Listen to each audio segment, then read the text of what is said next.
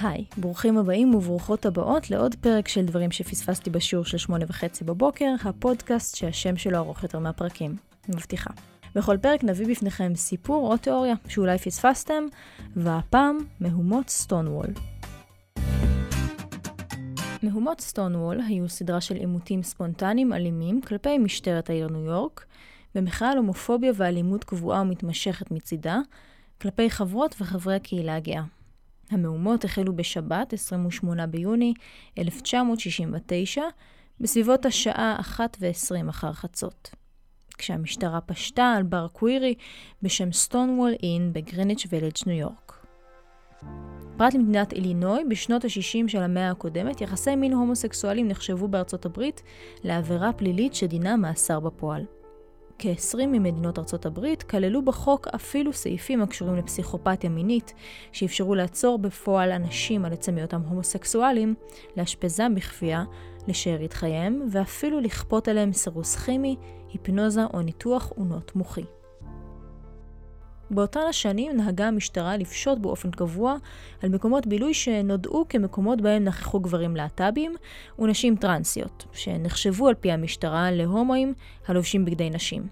הם אף עצרו אותם ופרסמו את שמותיהם ותמונותיהם בתקשורת כעצורים בשל התנהגות בלתי צנועה.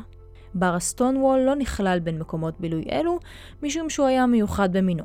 המשטרה נהגה לפשוט עליו בערך אחת לשבוע. ביוני 1969, לאחר פטירתה של השחקנית והזמרת ג'ודי גרלנד, אייקון להט"בי חשוב באותם הימים, מילאו את הבר בכל ערב עשרות נשים וגברים שהגיעו לחלוק לה כבוד אחרון. בשונה מרוב פשיטות המשטרה שקרו בשעות הערב המוקדמות וכללו התראה של כמה שעות מראש, ב-1 בלילה של שבת באותו השבוע הגיעו למקום שמונה שוטרים, רק אחד מהם במדים, והתחילו לבודד באחת הפינות את עובדי המקום. מי שסרבו להציג תעודת זהות, ונשים טרנסיות. פרוץ המהומות עצמן הוא סיפור שנוי במחלוקת, אך הגרסה המקובלת לרוב היא הסיפור המדהים של מרשה פי ג'ונסון, עובדת מין, טרנסית, ביסקסואלית ופרפורמרית שחורה, שזרקה לבנה על אחד מקציני המשטרה שנכחו במקום. במהלך הלילה הראשון של המהומות נעצרו 13 מפגינים ונפצעו אנשים רבים נוספים. במהלך הלילה המהומות הפכו לאלימות עוד יותר, ונכחו במקום כאלפיים מפגינים ו-400 שוטרים. המהומות המשיכו גם בלילה שלאחר מכן, וכללו חלוקת פליירים עם הכיתוב הוציאו את המאפיה והמשטרה מהברים לגאים. לאחר המהומות, בסוף יולי של אותה השנה, הוקמה בניו יורק חזית השחרור ההומו-לסבית, ובמהלך השנה התגבשו קבוצות דומות בערים ובאוניברסיטאות ברחבי ארצות הברית. ארגונים דומים קמו במדינות רבות במערב, ביניהן קנדה, בריטניה, גרמניה, בלגיה, הולנד, אוסטרליה וניו זילנד. מכאן ואילך, הקהילה הגאה ראתה בעצמה קבוצת מיעוט הסובלת מיחס מפלה ומדעות קדומות, והובילה את המאבק החברתי שהוביל לביטול התיוג הפסיכיאטרי, לקבלת שוויון בפני החוק ולהחלשת הדעות הקדומות כנגדה.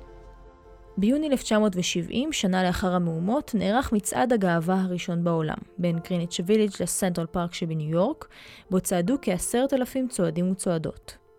מהומות סטונוול היא אחת מנקודות הציון החשובות ביותר לקהילה הלהט"בית מסביב לעולם, ובין השאר הן הסיבה שבגללה אנחנו חוגגים וחוגגות עד היום את חודש הגאווה דווקא בחודש יוני.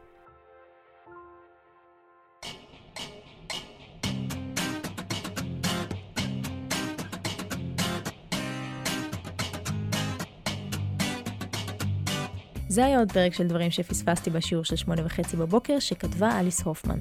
אם אתם מתעניינים בקהילת הלהט"ב, או שסתם בא לכם להוסיף קצת תוכן היסטורי לפיד שלכם, חפשו את העמוד יום בהיסטוריה הלהט"בית.